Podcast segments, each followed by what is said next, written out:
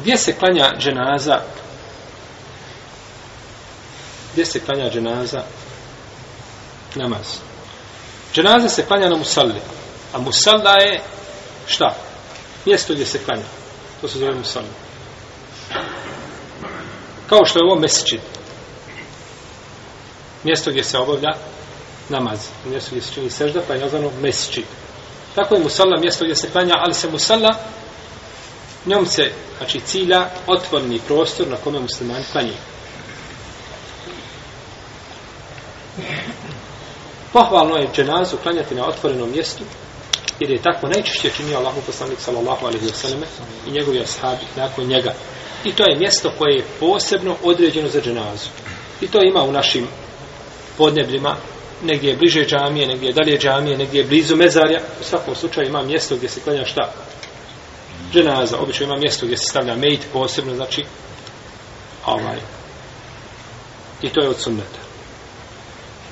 Spomnije Ibn, Ibn Hajar u svom delu Petru Bari, od Ibn Habiba, da je musala za dženaze u Medini bila blizu džamije sa istočne strane sa istočne strane i došlo u hadisu Ebu Hrere koga bileže Buhari i Muslim kada je rečeno da je Neđašija preselio, da je poslanik sa osaname poredao ljude u safove na Musalli.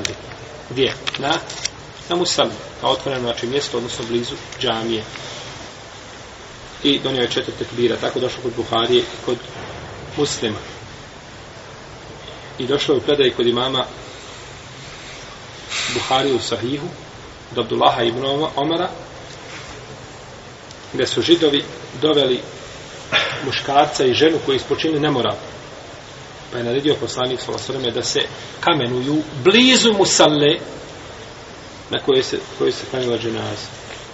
Jel u redu? Blizu musale gdje se kanjila dženaza. Što ukazuje da vrijeme poslanika sallallahu sveme bila musalna ili bilo jedno mjesto posebno znači namjenjeno za obavljanje čega? Dženaza.